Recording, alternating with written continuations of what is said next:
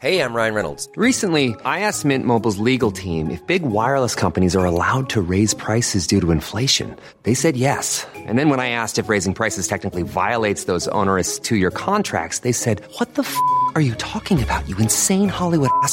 F- So to recap, we're cutting the price of Mint Unlimited from $30 a month to just $15 a month. Give it a try at mintmobile.com slash switch. $45 upfront for three months plus taxes and fees. Promo rate for new customers for limited time. Unlimited more than 40 gigabytes per month. Slows. Full terms at mintmobile.com. Even when we're on a budget, we still deserve nice things. Quince is a place to scoop up stunning high-end goods for 50 to 80% less than similar brands. They have buttery soft cashmere sweaters starting at $50, luxurious Italian leather bags, and so much more. Plus, Quince only works with factories that use safe, ethical, and responsible manufacturing. Get the high-end goods you'll love without the high price tag with Quince. Go to quince.com slash style for free shipping and 365-day returns. Hallå! Simon Gärdenfors heter jag och snart börjar min podcast Arkivsamtal som klipps av min redaktör Marcus Blomgren. Mycket nöje!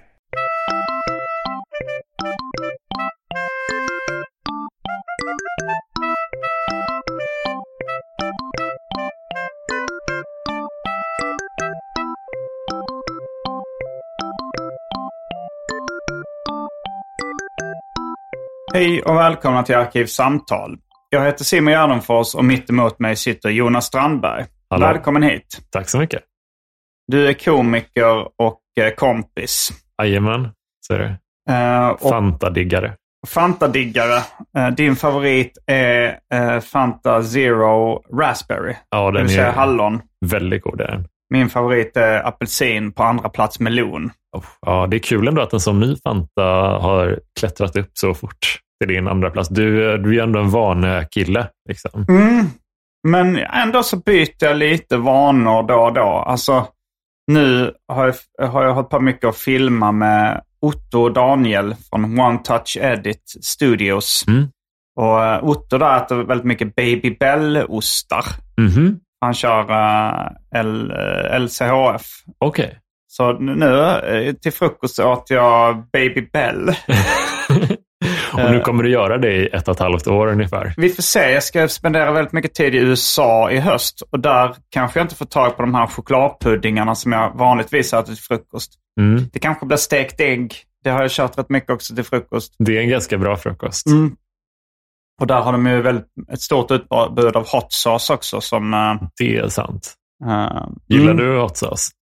Ja, jag, jag är intresserad av hot sauce och tycker det är gott. Mm. Eh, min favorit är Tapatio. Den, den är, jag försökte köpa hem den när jag var i USA senast. Det, det finns i vissa importbutiker i Sverige, men den är ovanlig. Alltså. Ja. Man får nog, tycker det är lite krångligt att specialbeställa sådär från Mm. nätet. Man vet inte när de kommer fram och ifall det krånglar och sånt där. Nej, jag håller med. Jag fastnade väldigt mycket. Jag var i- Monaco en vecka i somras nu och Mm. fastnade väldigt mycket för en öl där som heter Monte Carlo Beer Mm. som inte finns i, på bolaget. Det kanske går att beställa på något sätt, men du vet, man orkar inte hålla på och mecka med det. Nej. Men då var det liksom så himla, när, när man kom hem semestern tog slut och man inte kunde, och man hade börjat vänja sig Mm. vid en sån specifik törstsläckaröl Ja. och så kunde man inte få tag i den heller. Då var det som att det, det var som att man hade varit i en dröm och så det är alltid gött och så kommer man hem och så är ingen, alltså allt bara har försvunnit. Jag tänkte på, kommer du ihåg den, En idiot på resa? Den med eh, Carl Pilkington och Ricky Gervais. Mm. Där, där liksom Ricky Gervais, där är det Carl Pilkington, han, han är i något land, jag kommer inte ihåg om det var Vietnam eller Kina eller något sånt där. Nu råkar jag nog säga Vietnam, men jag tar tillbaks. uh, men han, eh, eh, och så, ska, så vill de att han ska äta orm där. Mm. Och då vill han inte göra det med motiveringen att om han tycker det är så gott eh, så han får smak på det och sen åker han hem till England igen och där är det svårt att få tag på. det där kan man ju förstå ändå på något sätt. det är, det är. Man hade väl inte blivit sårad.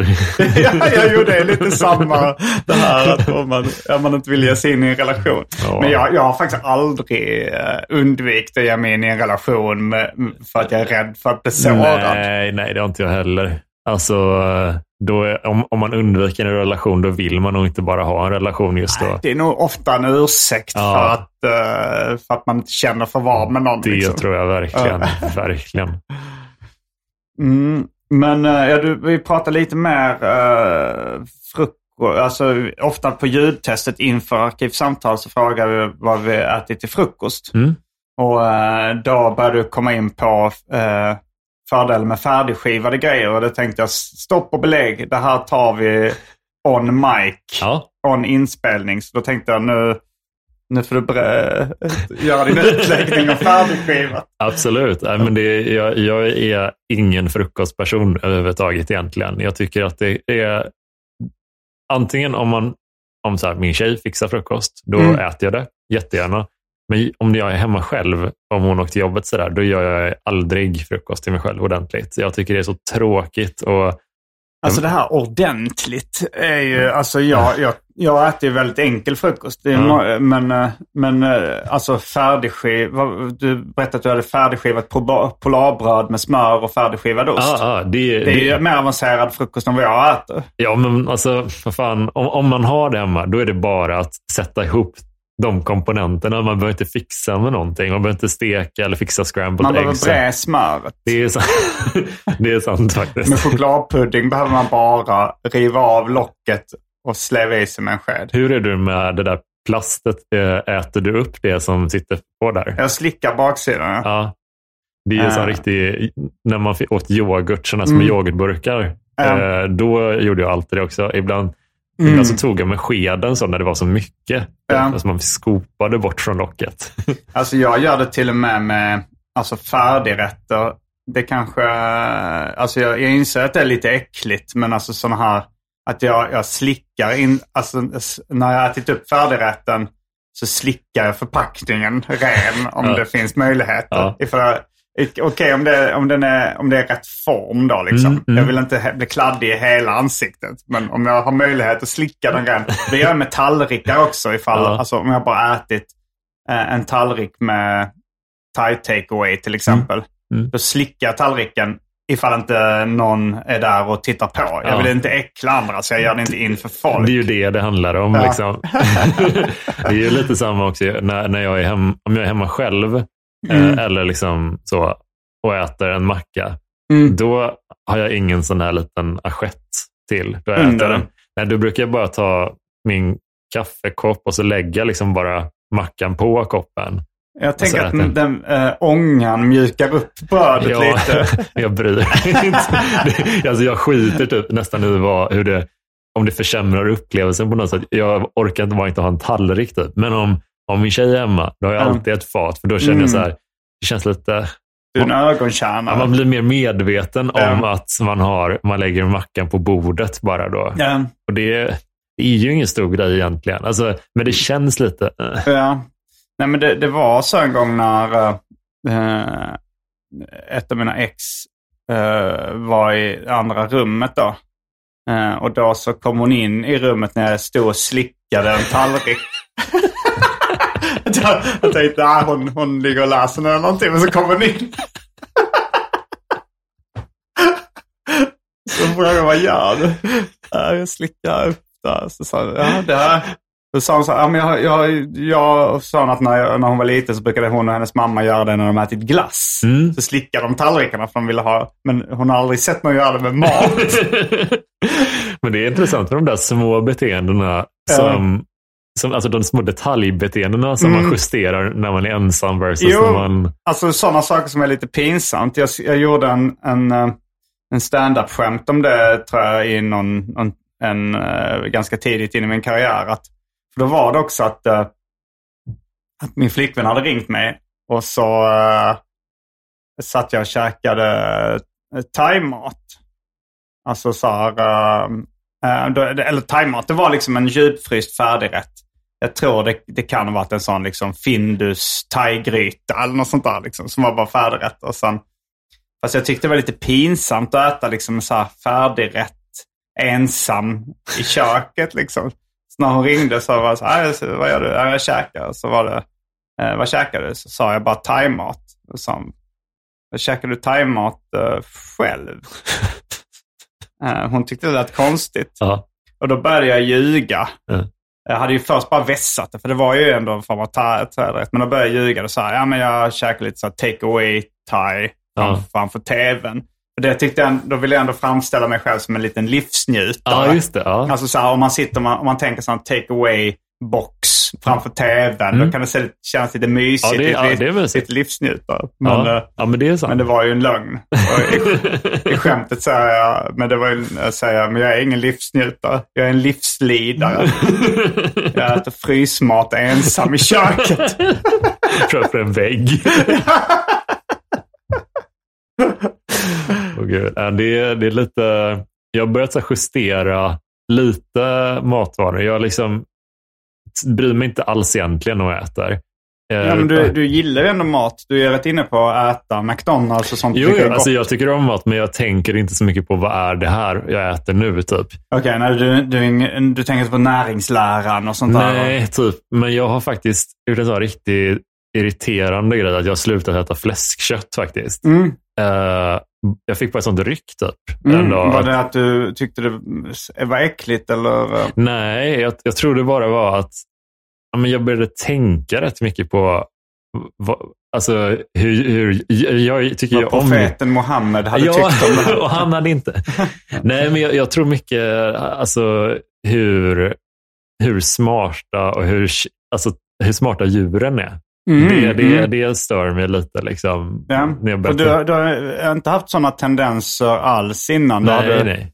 Så, men, så du käkar inte bacon längre? nej, inte bacon, inte korv. Alltså, korv Hur är det med äh, gummigodis? Kollar du om det är liksom gelatin? Och sånt? Nej, nej, det gör jag inte. Det är bara Mm. liksom... För det, det har jag märkt, det, det är en liten vit fläck för många Mm, vegetarianer och, och sådär. Att de, ja, de bryr sig inte om gelatin i godis. det är sant faktiskt. Det är mer vegan, veganer som Mm. tänker på det faktiskt. Och, och jag inte, har ingen så preferens. Jag tycker det är lite jobbigt att, att behöva få, alltså, kommunicera det Mm. bara ibland. När man ska ja, man hälsa på familjen eller någonting. Att, Men är verkligen, är verkligen grisar så mycket smartare än kossor? Men de, de är, jag vet inte riktigt, men jag, jag har fått för mig att jag har hört att de är liksom ungefär som hundar. I, Mm. och jag tycker om hundar och jag, typ, ja, men jag vet inte. Det är bara, Alltså för min del, jag är ju teoretisk vegan så Ja. jag, jag tycker inte det är löjligt. eh, Det är bara det är någonting- inkonsekvent kanske lite då. Ja. Alltså, så här, men,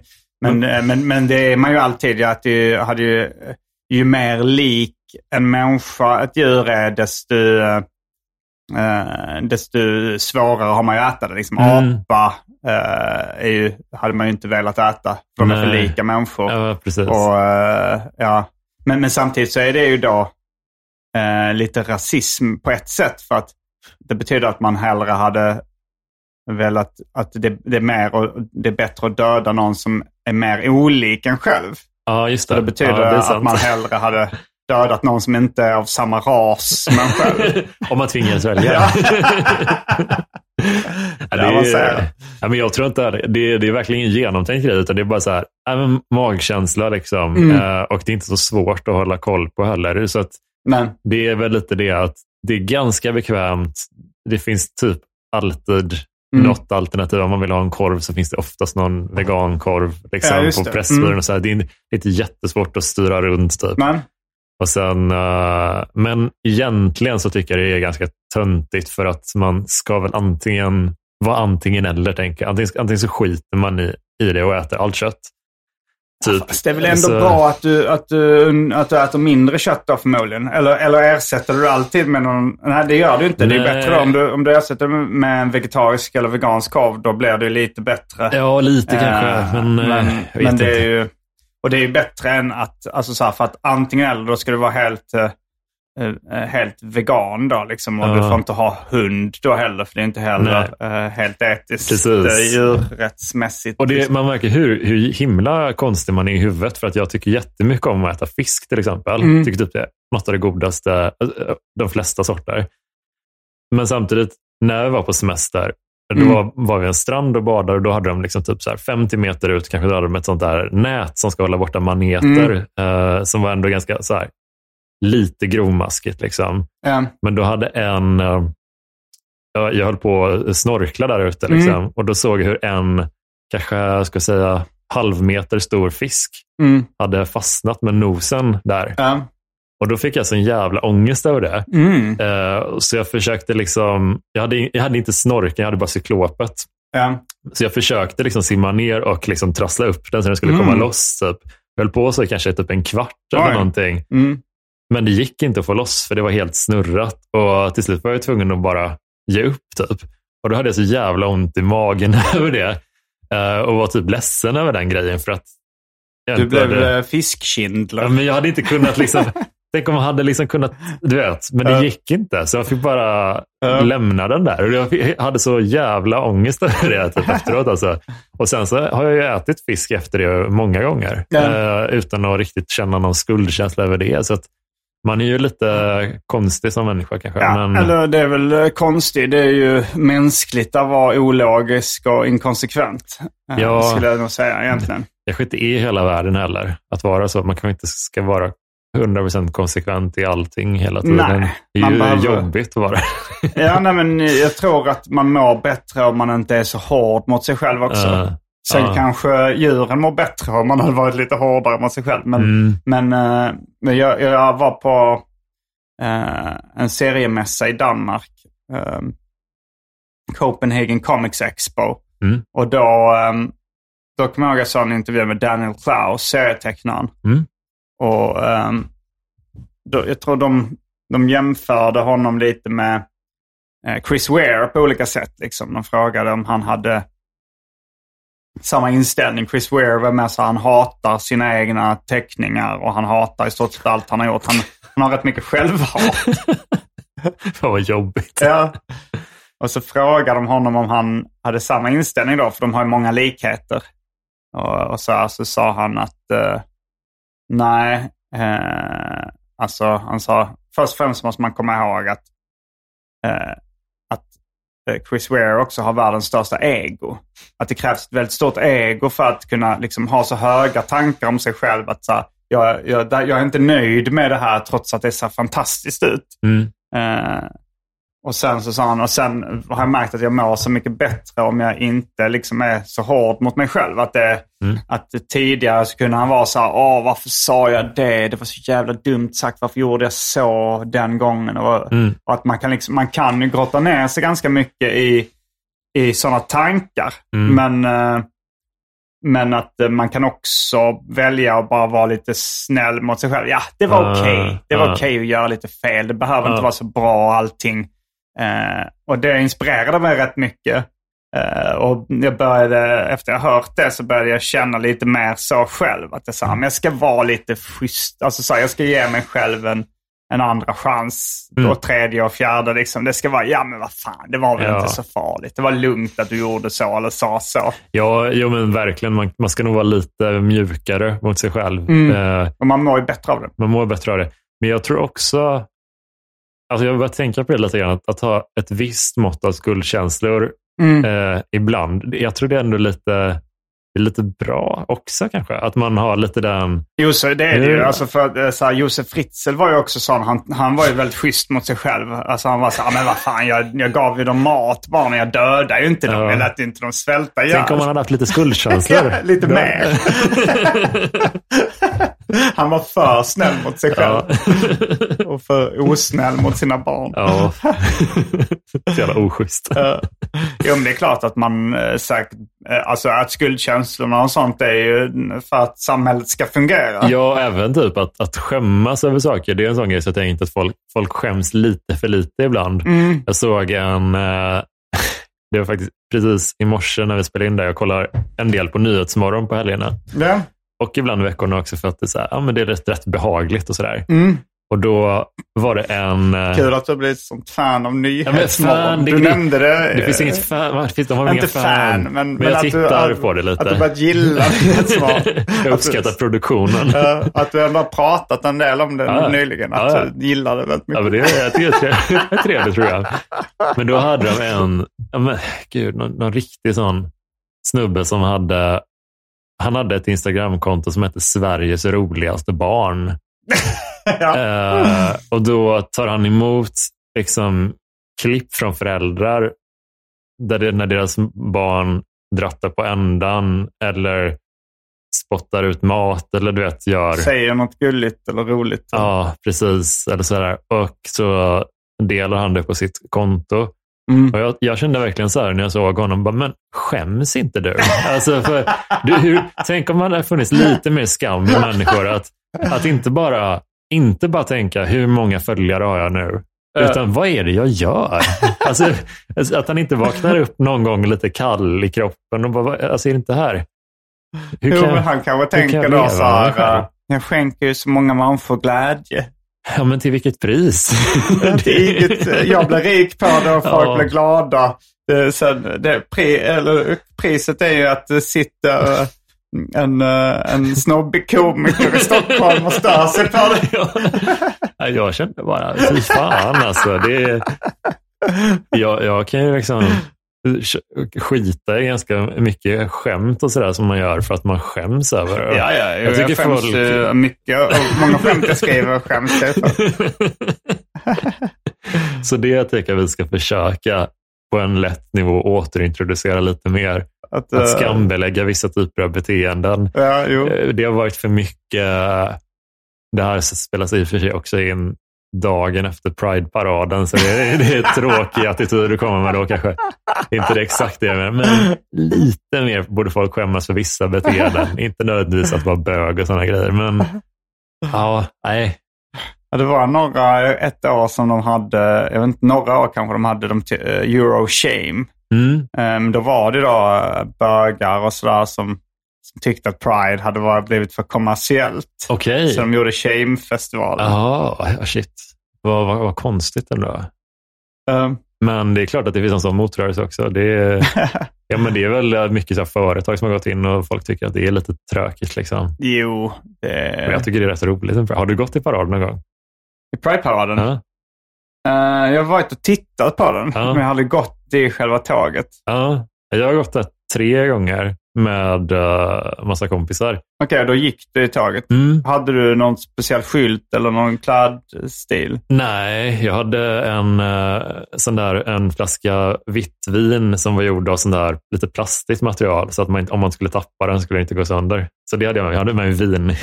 Apropå det, Mm. eh, så har det blivit dags för det omåttligt populära inslaget Välj drycken. Ja, nice.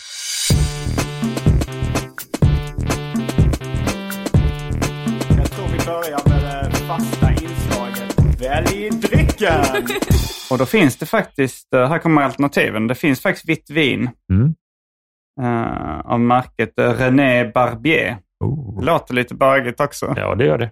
Eh, det finns Imperial Stout, 10-procentig, lite mer macho från Ängöl. Mm. Whisky, rom, vodka, Malibu, konjak, Amarula Cream, Grand Marnier, gin. Sen finns det häxblandningen, det vill säga alla drycker som fanns i min kyl innan ni genomgick en så kallad corporate rebranding. Och för tråkmånsar och nejsägare, vatten. Men eh, jag tycker det lät jättetrevligt med ett glas vitt. Då tar jag också ett glas vitt. Härligt. Och då är vi strax tillbaks med dryckerna kända från det omåttligt populära inslaget Välj drycken. Häng med!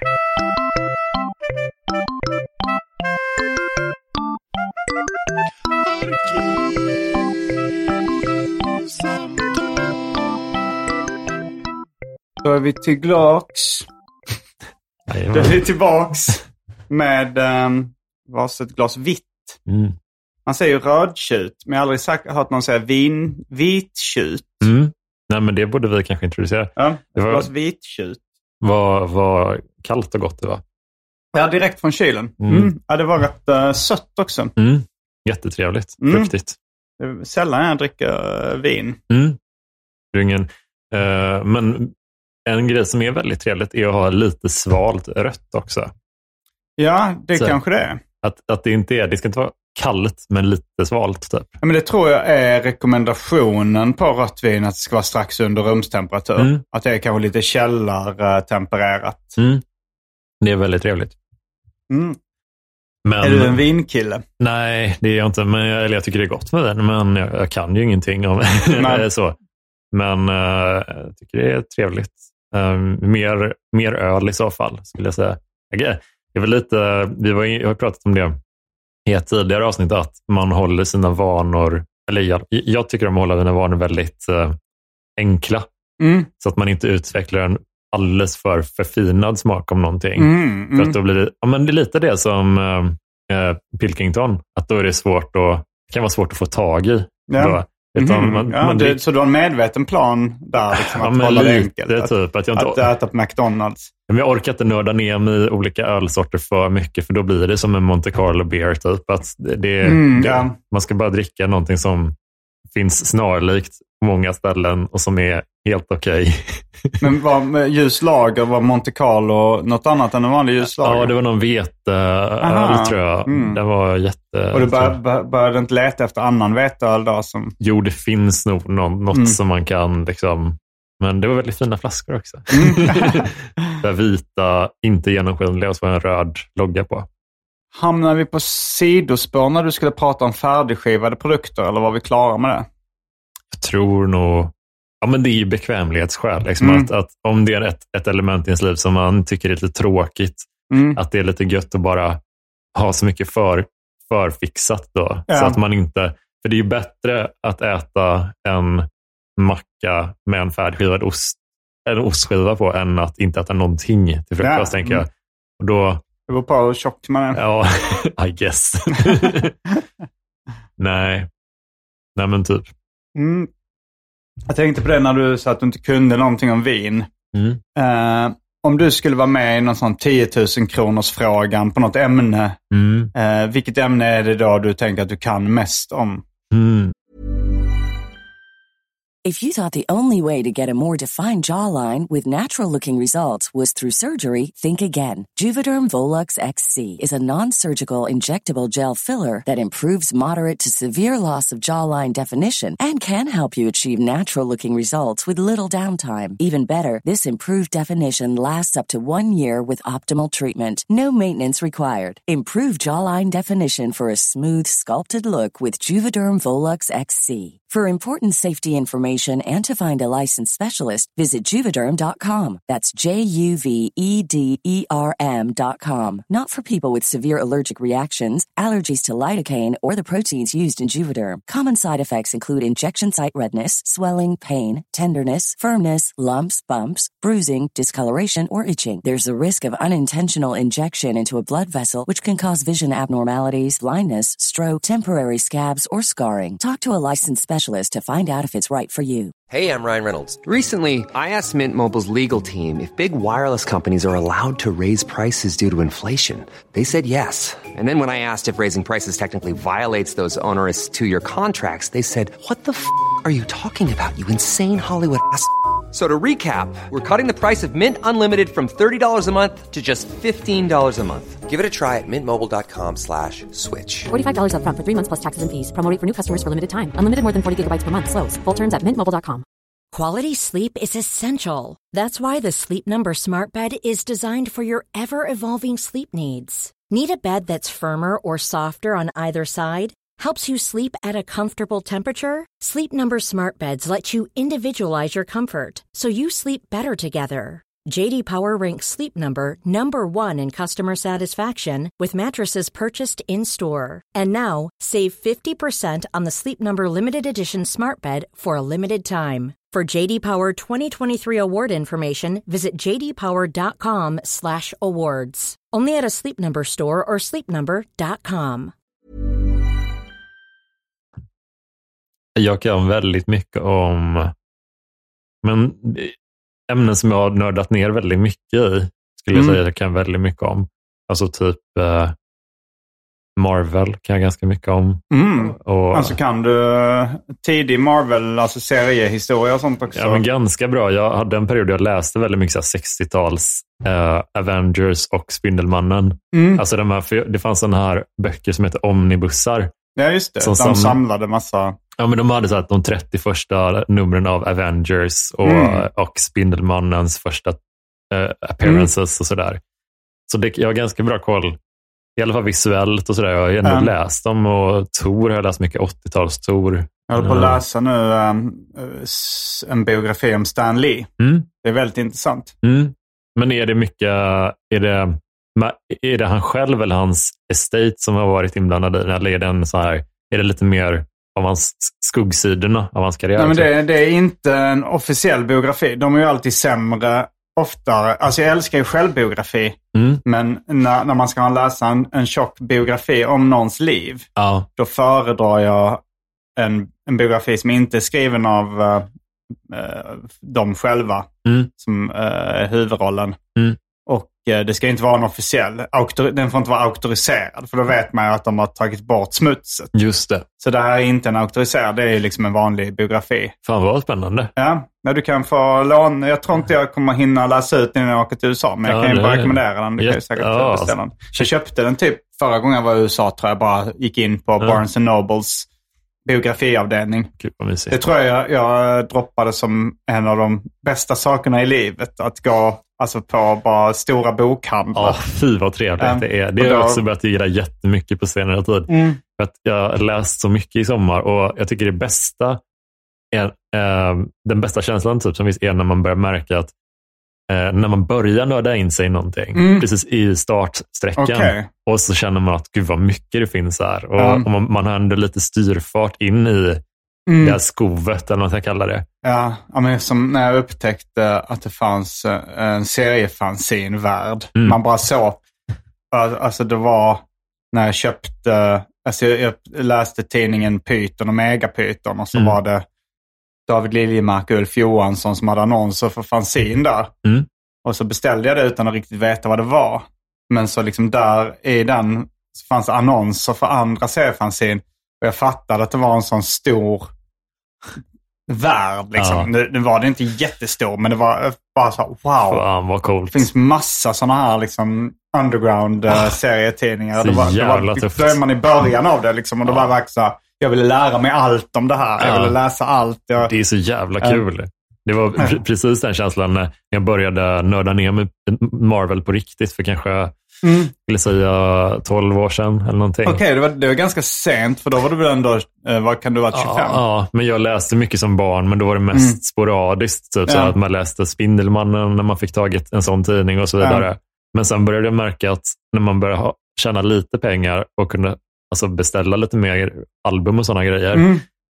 hur, hur man fattar hur allting hängde ihop. Typ. Hur Mm. äh, världarna liksom korsades inom Marvel och DC också. Sådär. Att det, Det är Det är mest det som- Marvel, men lite DC också. ja, lite grann. Men det, det är ju det som man är van vid nu i filmvärlden och sådär. Det är Mm. ju, då, nu är det ju standard liksom, att världarna korsas, liksom, att allt är samma universum. Men Inte Marvel och DC. nej, nej, är det För det separata. finns ju vissa sådana crossover-serier där Mm.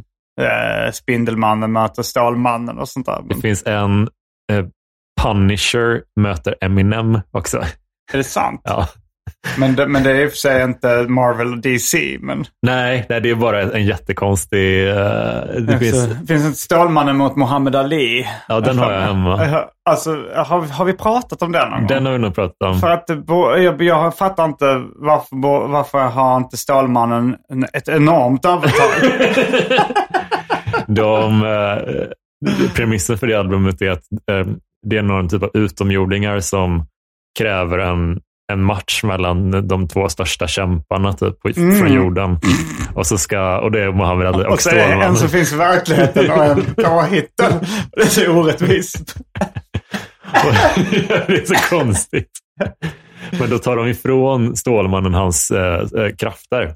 Jaha. Så att han blir en, en vanlig människa typ, som ska Mm. slåss mot Ali. Eh, Ja, då, är, då, då har ju Ali en chans. Ja. Han har ju större muskler och mer erfarenhet inom boxning. verkligen. Det, det är en riktig sån. Men jag tycker inte så mycket om de här gimmick-albumen. De är lite så här... Gillar du inte Punisher mot Eminem? Nej, jag, tycker, jag har inte läst just den. Jag har sett Det, jag blir omslaget. sugen på att läsa nu för det är så himla dumt. det kan vara att de samarbetar också kanske. Ibland är det så att de bara... Jag vet inte vad de skulle samarbeta kring. Det är skulle- verkligen så pojkrumsfantasi.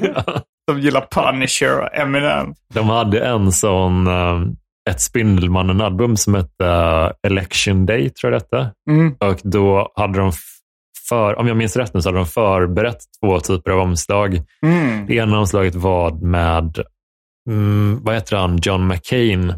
Ja, Och, McCain. just det, och den andra var med Obama, på, Ja, ja. beroende på vem Mm. som skulle vinna valet. Mm. Så då, och då var det så här basic att Spindelmannen möter presidenten. Så. Men och det är också lite konstigt för att de har ju en egen värld. Typ, liksom. Ja, På något sätt att de ska börja korsa över. det är lite konstigt. Ja. Alltså sådana, jag kommer ihåg när eh, eh, Sverige kanske skulle gå med i EU, Mm, eller EG tror jag. Ja, det, det bytte nog till EU innan vi gick med. mm, Först var det ju snack om EG. Jag, jag tycker det är roligt att fortfarande säga EG. ja. Men eh, eh, då kommer jag ihåg att jag gjorde en serie, en tecknad serie då till eh, ett, mitt första fanzine, eller nej, ett av mina första fanzine, Dagens Nyheter. Mm. Gjorde Snörvel Comics innan. Men eh, då var det liksom en serie där som hette eh, Kent Konsument. Mm. Jag var ung tonåring, man får ge mig en paus på den, den klämkäcka titeln. Men det, premissen var då att han skulle se hur varuutbudet hade förändrats sen vi gick med i EU. Ja. Så himla torr premiss. Alltså, jag, när vi snackar om skam så Ja. jag känner pytteliten skam, men det är mest kul. Ja. Eh, men eh, alltså, Ken, eh, mer, mer skam över namnet Kent Konsument. Konsument. Men, men då kommer jag ihåg att jag började teckna den innan Sverige hade gått med i EU. Alltså för det var ju en omröstning. Mm. Och eh, jag började, av någon anledning så började jag teckna den. Jag kommer ihåg så här, nu ska vi se, han går liksom med typ en kundvagn. Så här, nu ska vi se hur varuutbudet har förändrats sen vi gick med i EU. Eh, och, och så började jag teckna på den och gjorde, jag tror jag kanske gjorde klart den men fanzinet hann inte komma ut. Ja. Men, eh, och då så var det verkligen så här en rätt stor grej för mig att jag hade, jag tror bara den var två sidor, Kent, Konsument. Mm. Men att jag här, satt ju och hoppades då på att Sverige skulle gå med i EU för att annars hade den serien, då kände jag då funkar det inte det här. Det enda gången du har varit riktigt investerad i samhället på något sätt. Uh, ja, alltså jag, nu när jag minns punchlinen, då känner jag en oerhörd skam. Berätta. Ja, jag, jag, det är, jag, jag fattar att det inte är så farligt liksom. Men, men det var väl typ att blåvitprodukter då eh, var vanligt. Mm. Uh, fan, jag, jag borde nästan uh, hem, försöka leta upp den här tidningen. Nu vet Mm. jag inte riktigt vad jag har, mina gamla... Du hade ju kunnat dela den i Arkivsamtal eftersnacksgruppen. Vi kan också. säga så att jag läser upp den i det Patreon-exklusiva avsnittet. Ooh, nice. Så det blir, eh, då, då får ni höra. Då, vi, då, då har vi en naturlig paus också. Så kan jag gå och leta fram Gud vad roligt. nummer kanske två av Dagens Nyheter. Eller, Mm. vi, det var ju, de, den titeln är jag mer stolt över. Alltså Mm. att jag tyckte det var roligt att vi döpte vårt fanzine till Dagens Nyheter. Det är väldigt bra. det är så himla dumt och klumpigt. Men har du någon sån, eh, något sånt ämne du bara, ja det här hade jag briljerat i? Eh, Om du får ett enda liksom. eh, självbiografiska serier tror jag att eh, jag hade varit rätt bra på. Mm. För där har du koll både historiskt och liksom mer samtida. Ja, grejer. ja det har jag. Mm. Alltså jag, jag läser fortfarande väldigt mycket självbiografiska serier. Jag har rätt bra koll på det. Mm. Ehm, sen kanske det finns någon seriefrämjare som hade eh, slagit mig i Jeopardy Mm. på det ämnet. Men eh, Larry David är nog hyfsat bra på Ja, hyfsat stora kunskaper också. ja. Men eh, det är väl de två som jag hade. Vad hände med den där dokumentären? Alltså, är det, alltså han, det skulle komma en dokumentär om honom som du ja, var det var extremt frustrerande. Det var så här Ja. för att eh, ja, men, eh, HBO gick ut med att nu släpps det då en dokumentär i två delar på HBO om Larry David, Mm. gjord av Larry Charles, Mm. som är liksom också en, en favorit. Han har liksom varit med och skrivit mycket Curb. Mm. Eh, han har regisserat väl uh, Borat-filmen. Mm. Och eh, han är rätt, ja men han, han verkar vara liksom, eh, han har skrivit många Seinfeld-manus också. Han verkar Mm. vara liksom en stjärna. Och han har gjort den här dokumentären om Larry David då. God. Och jag blev ju så här, fan det här är det jag mest vill se i hela världen. Ja. Och sen var det liksom så att jag, okej nu släpps den, nu släpps den om tre timmar. Och där bara släpptes det inte. Så gick eh, HBO ut med en, eh, ett tweet där det stod så här, Nej, Larry vill inte släppa den. Han sa att han vill eh, göra det här inför en live audience istället. En livepublik. Förmodligen var det väl jag tror att Larry tyckte det var lite pinsamt med så här, men eh, jag vill inte att det ska komma en dokumentär om mig. Att han var lite, blev lite självmedveten. Mm. Och så sa han så här, va? Vill du inte att den ska släppas någonsin? Och så sa han något sånt där. Ja, men jag kan tänka mig att svara på frågor om mitt liv inför liksom en livepublik. Det här är bara mina gissningar då. Ja. Att jag gissar att han sagt det, Ja. men eh, jag vill inte att det ska visas här på Just att alla det. kan se den på tv. Åh, gud vad han... Ja. vad töntigt. Ja. Men, men jag tror, det känns som att eh, jag är lite inne på så här, jag är väldigt intresserad av filmbusinessen. Så här, eh, stora, Filmbranschen. Ja, men de stora bolagen och sådär. Ja. Eh, och jag tror, Läser du, vad heter den tidningen? Det finns en sån branschtidning om liksom nöjesbranschen i USA, en sån gammal klassiker. eh, Eh, inte inte Vanity Fair, utan... men jag håller mig ganska uppdaterad på så olika sajter och sådär och försöker, och en stor grej nu Mm. är att, det, baserat på det du berättade, det känns som att Larry David är den enda som HBO bryr sig om Mm. och, och är orolig att få en skadad relation till. Mm. Det känns som att de, just nu när vi spelar in det här så har det varit väldigt mycket snack om att ehm, Warner Bros har spelat in en hel film om karaktären Batgirl. Mm. Michael Keaton som gjorde Batman 89. Skådisen, ja. Han skulle göra en comeback som Batman i den här. Eh, och det har varit jätte... Michael i flesta laget Keith. Om du sett den Som filmen. framförallt i känslan. Men han, han skulle göra stor comeback det var väldigt mycket hype kring det grejen att shit, alltså, vad, han är ju väldigt omtyckt Vem skulle han spela då? Ba- Batman, Okej. eh, tror jag. Eh, Mm. Eller typ Thomas Wayne då kanske, som är Batmans pappa. Ja, det är lite, ja, han skulle göra comeback i alla fall och det var stort. Är inte Batmans pappa död? Jo, men det finns en sån, ett alternativt universum Mm. eh, och så vidare. Men den här filmen var liksom, folk ändå, ah, fan vad kul, alltså, det här kommer bli coolt. Mm. Filmen är helt inspelad, det är färdigt och de har bestämt sig för att de inte kommer att släppa den.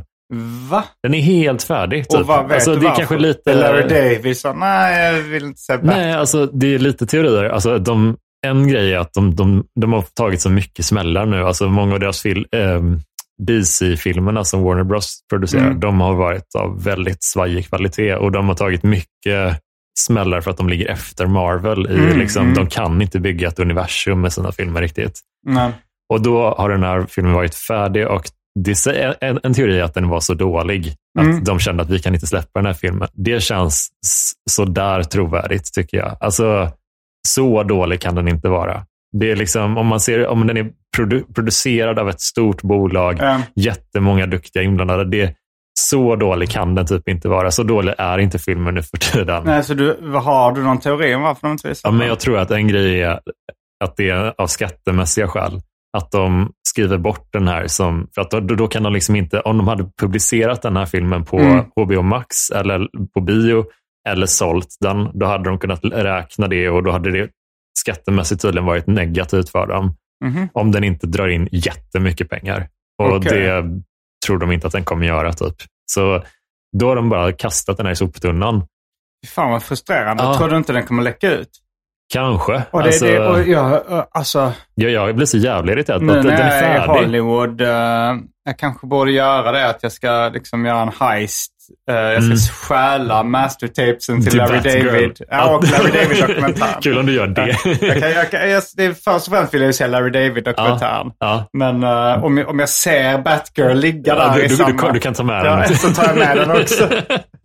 jag, ska, jag ska lura mig in där på ett möte. Alltså, det, jag tycker de är så jävla... eh, de- De, de pissar verkligen på sina kreatörer. Och det här är liksom en, en grej i ledet. Och tidigare, precis under början av pandemin, Mm. då fick de lite panik för då kunde ju folk inte gå på bio. Ja. Och då hade de ganska många filmer som var rätt så här, dyra att göra som de istället bestämde sig för att släppa på HBO Max.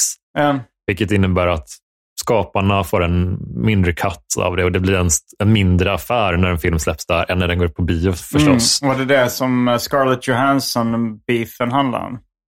Eh, Det vet jag inte, men jag vet att Christopher Nolan blev väldigt, väldigt provocerad av det här. Han tycker liksom att de pissar. De hade också gjort det bakom ryggen på de stora regissörerna Mm. som hade gjort filmerna. Och det, Att det inte går upp på bio utan det går direkt på streaming. Ja, Mm. att de, Jo, gör- det fattar man ju. Liksom, att de behöver har- fylla sin tjänst med, Ja. med material. Och d- Men Så de, var det med den senaste Jönssonligan-filmen. Att eh, Mm. Thomas Alfredsson var ju väldigt besviken. Men det var ju på grund av corona då. Men han var ju väldigt Mm. besviken att den inte gick upp på bio då. Att, Ja, men jag kan också, just när man, man går lite, det, det låter, jag fattar, det, vi snackar om ganska rika människor många Mm. gånger, så det är svårt att känna så här, åh vad synd om dem. Mm. Men det är också så här, de lever på filmskaparna, på serieskaparna och om de pissar på dem och går Mm. bakom ryggen, då kommer det inte, folk kommer inte vilja göra film för Warner Bros om det finns ett alternativ, tänker jag. För att om man, Nej, nej, för man vet att det finns en risk att det här kommer bara inte släppas. Ja, jag kommer lägga Mm. två år av mitt liv på att producera en film eller Ja. spela en roll och det inte kommer bli någonting. Nej, fy fan. Alltså det är så, så det känns som att de, ja, jag tror, det är mycket snack om att de kommer mergea med eh, ett annat bolag också och Mm. bara, Ja, nej, fy fan. Ah. Alltså, den, den kommersiella, traditionella filmbranschen verkar ju vara så extremt frustrerande. ja, Jag, jag väljer ju att gå väldigt independent nu när jag gör film för att jag vill inte, alltså nu, nu låter det som att jag har möjligheter att göra det på något annat sätt. Det har jag Men- inte. Men, men men, alltså- jag, menar, jag, men jag tycker det, det sköna är så att jag, det kommer att släppas på något sätt för att det är jag som styr. Men, men jag vet väldigt många som har jobbat med film eller som varit inblandade i filmer där det stannar på olika stadier. Ja, ja, men så här, Mats Jonsson till exempel. Eh, de, de liksom skrev ett manus i Hey Princess-filmen. skulle det bli en film? Ja, det var på gång. Oh, De hade liksom en regissör, de hade fått eh, Svenska Filminstitutet. Eh, Det- eh, liksom fan hade godkänt det. Hur fan kan inte det här ha blivit en film? Det som hände var att regissören blev allvarligt sjuk Okej, innan de skulle börja filma. ja. Ja, det var ju tråkigt, men Och sen, eh, och sen, ja, sen rann allting ut i sanden. ja. Fy fan vad Mm. tråkigt. Men den hade ju kunnat bli en sån jäkla, nu är det ju typ, nu är det, den, det albumet en, en kulthit liksom. Ja. Men, eh, men, Men jag ni- vet inte. Jag, alltså jag, jag skulle nog säga att hade de gjort, hade, de bara, hade manuset varit eh, eh, bara att de filmar serierutorna, alltså iscensätter serierutorna rakt upp och ner. Mm. Då hade det kunnat bli en enorm succé och kulthit. Jag tror verkligen... Nu så var det att manuset blev lite eh, ja, men nedkokat i mer än en stand... Alltså, jag har läst manuset Mm. och jag tycker det hade varit mycket bättre om ni bara tog serierutorna scen för scen. Det är en grej med serier som Mm. jag känner att det är lättare att översätta ett seriealbum Mm. till en film, ganska ordagrant nästan. Ja. Men det är svårare med en, en traditionell roman för att där finns det en annan... Det finns, man ser ju bildspråket också. Mm. I, i, eh, Jo, så- alltså en serieroman är ju ganska mycket ett bildmanus till Mm. en film. Mm. Du kan ju i stort sett bara... steget är så minimalt egentligen. Och, ja, men jag har märkt det mycket nu för jag, jag håller på med en podd om Stephen King och ser, Mm. ser filmerna och läser böckerna. Och då, då märker man ofta liksom att det stora hoppet när man ska porträttera någonting Mm. rörligt. Även de hyllade eh, versionerna. Liksom, typ Mm. Är alltid boken bättre än filmen? Alltså nästan alltid faktiskt. Mm. Det är, i- Finns det något undantag? jag tycker nog att Stand By Me-filmen är lite bättre än The Body-novellan. Mm. faktiskt. Men den är också ganska bra. Men filmen är jättebra tycker jag verkligen. Jag tycker Mm. den är typ en av de, en av de bästa filmerna som jag, vet faktiskt. Den och du det, Thelma Louise tycker jag är typ där uppe. Är det också Stephen King? Nej, jag har bara en annan Okej. film. Så Alltså, två, är det två av dina favoritfilmer? Mm, mm, Okej, ja. mm. De är, jag tycker de är, fast Thelma Louise har jag bara sett en gång. Typ. Okej, och det, Jag känner- är du rädd för att se om den för att den inte ska leva upp till dina förväntningar? Ja, men lite så. Jag tyckte så fruktansvärt mycket om när jag såg den och bara, fan den här, det, gud, direkt så Mm. jag kunde typ inte hitta Vem är några. det som skrivit och regisserat? Det är Ridley Scott som har regisserat den. Okej, ja. Mm. Ehm, så den tycker jag är väldigt, väldigt... Vilken är din? Brad Pitt gör en uh, Ja, just det. Som, liten den- roll som skum cowboy. En lite så här ung, snygg kille. ja, precis. Verkligen. Ja, men och den, skum cowboy. ja, det är definitivt. Ja. Vilken är din all time favoritfilm? Jag brukar ju svara Och det kanske stämmer också. Happiness av Todd Solondz. Okej. Eh, det, det är ju ganska mycket påverkat av när man är i en viss formativ ålder. Men, Verkligen. eh, så det är mycket då sent 90-tal eller tidigt 00-tal skulle jag säga. Men Mm. den är en favorit. Eh, jag gillar också väldigt mycket Medan vi faller, La En. Mm. Den älskar jag också. Och men Clown the Movie, Mm. Clown the Movie, den danska komedin, den, är, den tycker jag är nog eh, kanske den Jag roligaste har aldrig sett den faktiskt, Ja. men jag är väldigt... kan man se den utan att ha sett serien? Eller behöver man se... Nej, jag- det, var det första jag såg var eh, filmen. Ja. Och jag blev eh, knockad av hur rolig den var. Ja, fan vad kul. Mm. Jag pratade med eh, författaren Sebastian Mattsson Mm. om, om film och böcker och sådär. Och när man, om någon säger så här, kan ni tipsa mig om en bok eller en film? Ja. Inget deprimerande helst. Mm. Då blir det någonting som slocknar i en då. Att man, Mm. om någon säger, det får inte vara deprimerande. Nej, nej, nej. Då är det som att vara, fråga mig inte då. då. Det är som att de stänger av så mycket, en Ja. stor del och, och vad, vad ska jag säga då? Nej, jag fick Sebastian Mattssons bok, jag har inte hunnit läsa. Den senaste han har skrivit eh, Mm. Två två romaner. Mm. Det, men, ja, men jag ska, ska nog sätta tänderna i det någon gång när Do it. eh, jag, har, jag har en rätt lång läshög på Mm. mycket grejer jag är sugen på att läsa på. För du läser mycket. Ändå. Nej, är alltså du en igen- periodare? Nej, det är nog mer att jag läser med, men med ett ganska lågt eh, intervall, eller vad man ska säga. Att Mm. Det är ofta så att jag, eh, jag jobbar väldigt mycket med mina liksom, kreativa projekt. Mm. Och sen, eh, sen har jag, ofta så jobbar jag fram till kvällen och sen så har jag en liten stund och då är jag ganska trött. Och då så kanske jag läser lite. Mm. Och då blir det ibland bara så här 20 minuter. Liksom. Jag fattar. Och, och sen kanske blir jag så trött att jag inte orkar läsa och då kollar jag på film eller tv-serie. Liksom, Mm. något. Och sen somnar jag. Mm. Men då snackar vi ofta att det är bara en halvtimme där. Liksom. Mm. Eh, Men sen ibland när jag, när jag är på semester eller åker tåg och inte har möjlighet eller orkar jobba på tåget och skriva sånt där så läser jag lite. Men jag har alltid någon bok på gång. Mm. Senast, det senaste jag läste var Linus Kullins biografi om Lena Junoff. Den har jag inte. Jag tyckte om hans bok om Killinggänget. Ja, Den var jättebra. Hur är Den har den? jag faktiskt inte läst hela. Eh, Men Lena Junoff eh, läste jag hela med stor behållning.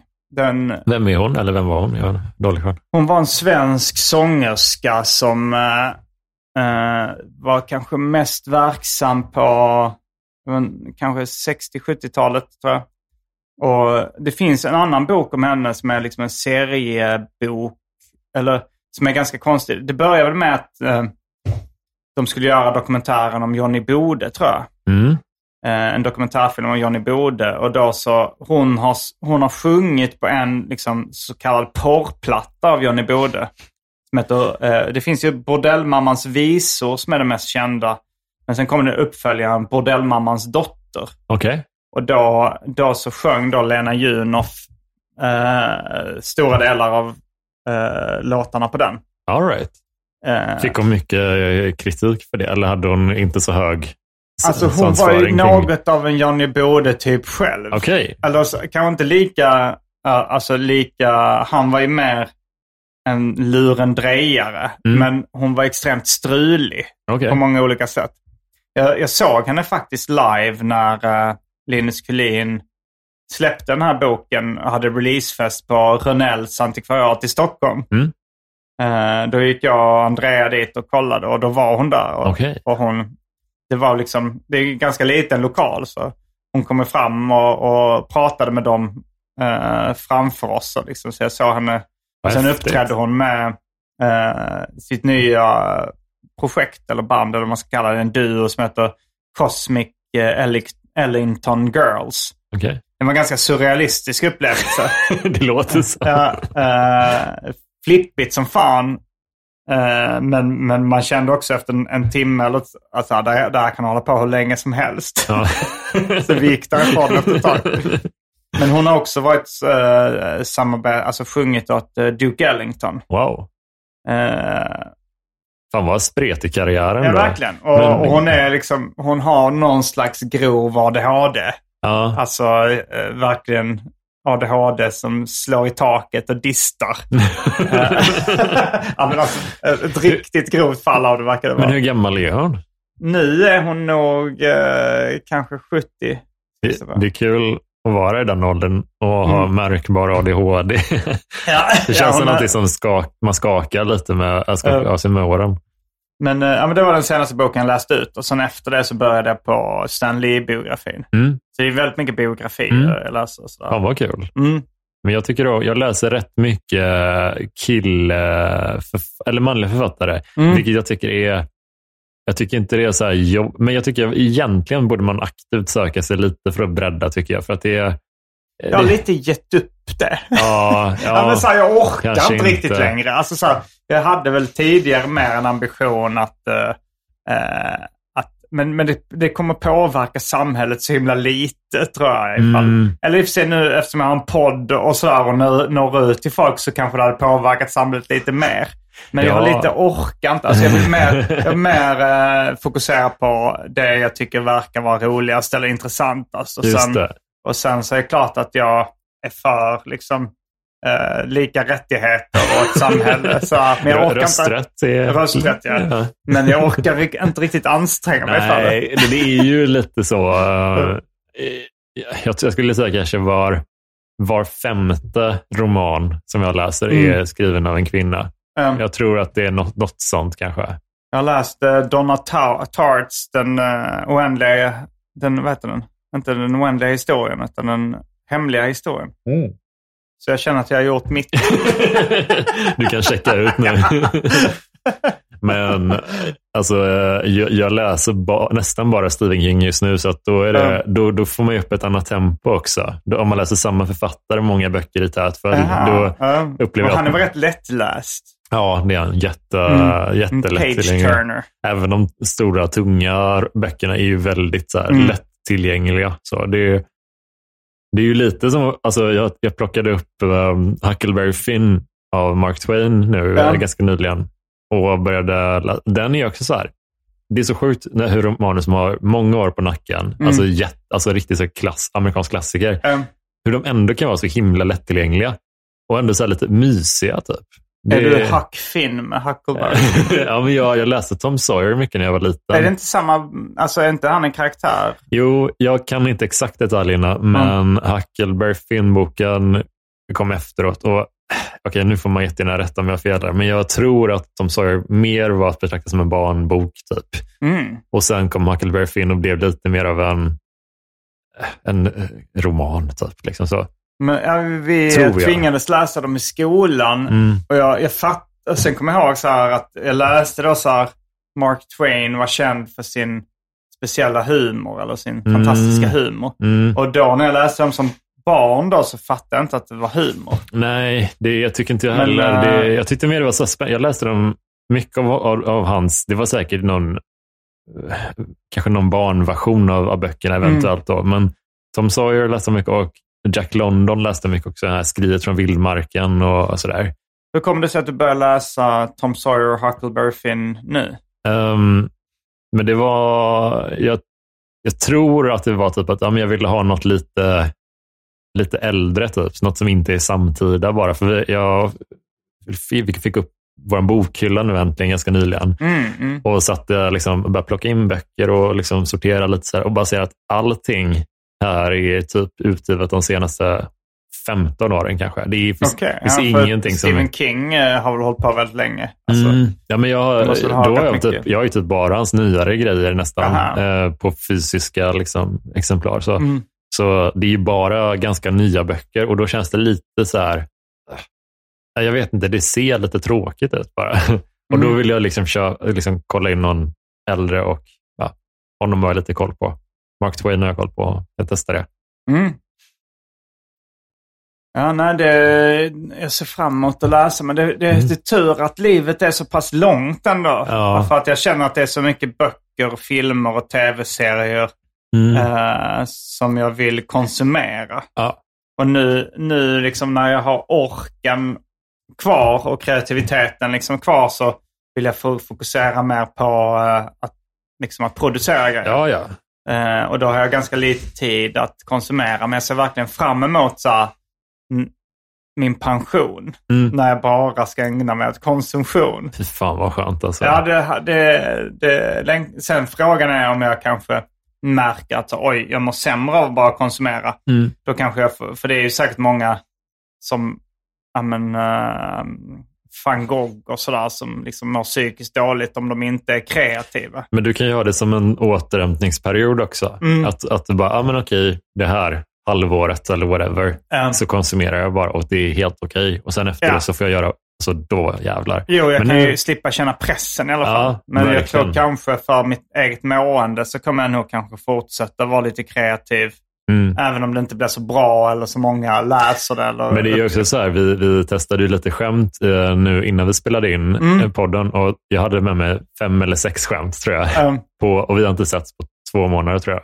oj, är det så länge? Jag tror, jag tror det är typ nästan, minst en, Mm. och en halv i alla fall. Och du hade med dig typ så här 30-40 skämt. Två månader, då hade jag med mig 60 skämt. Ja. Ett om dagen. Men då liksom, och du spelar in en film. Men jag, jag tänkte, hela den här sommaren, jag har Mm. verkligen bara läst hela tiden nästan. Och det är, Ja. så, Det är säkert mer sunt att leva som du och ta lite pauser och sådär. Jag vet inte, det är, jag är lite dålig på att hålla i.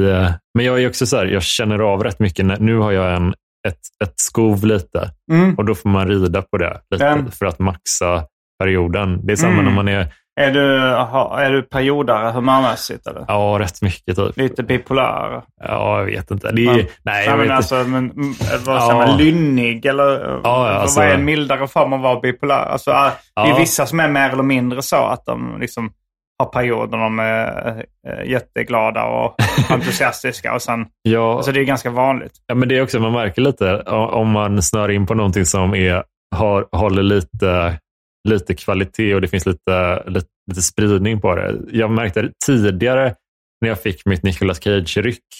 Ja. Då, då märkte jag... Jag hade gan- tänkt på en annan grej som du alltså, skulle kunna vara med i 10 000 kronors frågan Mm. är väl Nicolas Cage. Jo, det tror och jag. kanske även äh, Det- äh, ja, men, äh, ja, men, nu står det still i huvudet med den författaren du Stephen Stephen King. Mm. ja.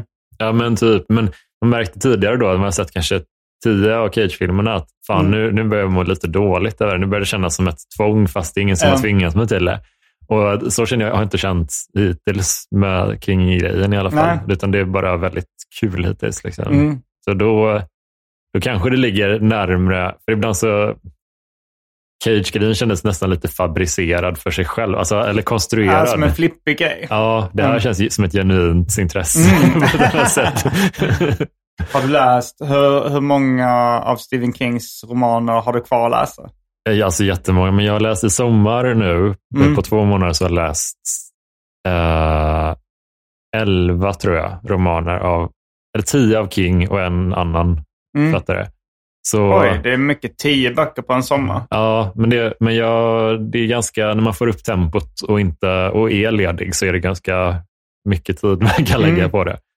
Var har du legat och läst de här? Har du suttit? Eh, Mest på balkongen faktiskt, på Okej. morgon och förmiddagen. Alltså morgonsol på balkongen. Så jag brukar ta med mig en kopp kaffe och sätter jag mig där eh, efter att jag varit ute med min hund och så sitter jag där och läser i en timme typ. Och sen... Eh, eh, Det låter som jag- ett mysigt pensionärsliv. Ja, ja, det är väldigt lågintensivt.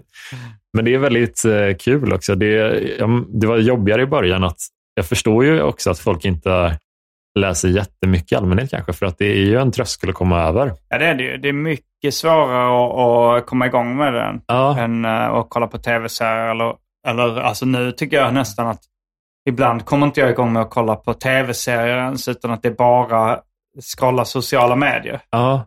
men det är, jag, jag tror att...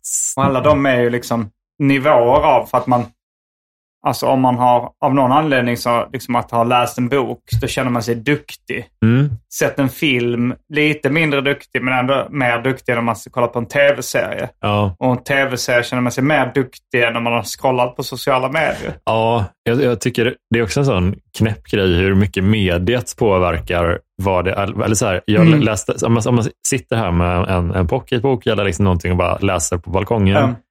Versus om jag sitter med min iPad och gör samma sak. Ja, Man känner eller sig- ljudbok. Och, Ja, man känner sig lite, alltså, särskilt med iPaden, så att man känner sig Mm. lite dum typ, om man sitter Mm. och swipe. Alltså, det är ju Ja. inte, det är ju samma sak. Ja, det är det. Det är Det är precis verkligen. samma, det är bara att Ja. man håller ett, ett annat föremål i Ja. händerna. Det är ju liksom inte, men det är, jag tycker inte riktigt om den grejen. Det, Nej, jag, alltså, det är klart man fastnar i sin old school ja, verkligen.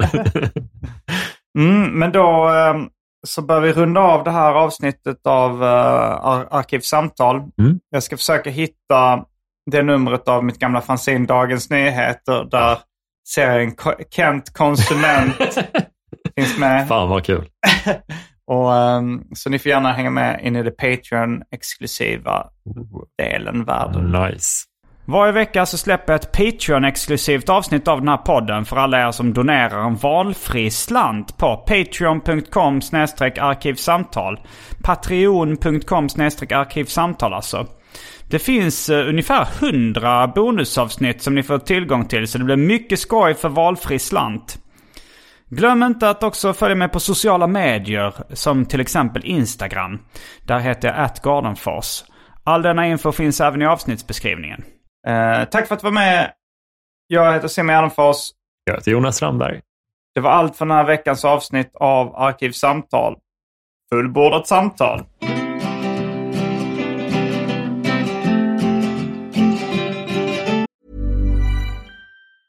Ever catch yourself eating the same flavorless dinner three days in a row? Dreaming of something better? Well, HelloFresh is your guilt-free dream come true, baby. It's me, Kiki Palmer. Let's wake up those taste buds with hot, juicy pecan-crusted chicken or garlic butter shrimp scampi. Mm. Hello Fresh. Stop dreaming of all the delicious possibilities and dig in at HelloFresh.com. Let's get this dinner party started. Hey, it's Paige DeSorbo from Giggly Squad. High quality fashion without the price tag. Say hello to Quince. I'm snagging high-end essentials like cozy cashmere sweaters, sleek leather jackets, fine jewelry, and so much more. With Quince being 50 to 80% less than similar brands. And they partner with factories that prioritize safe, ethical, and responsible manufacturing. I love that. Luxury quality within reach. Go to quince.com slash style to get free shipping and 365 day returns on your next order. Quince.com slash style. やった!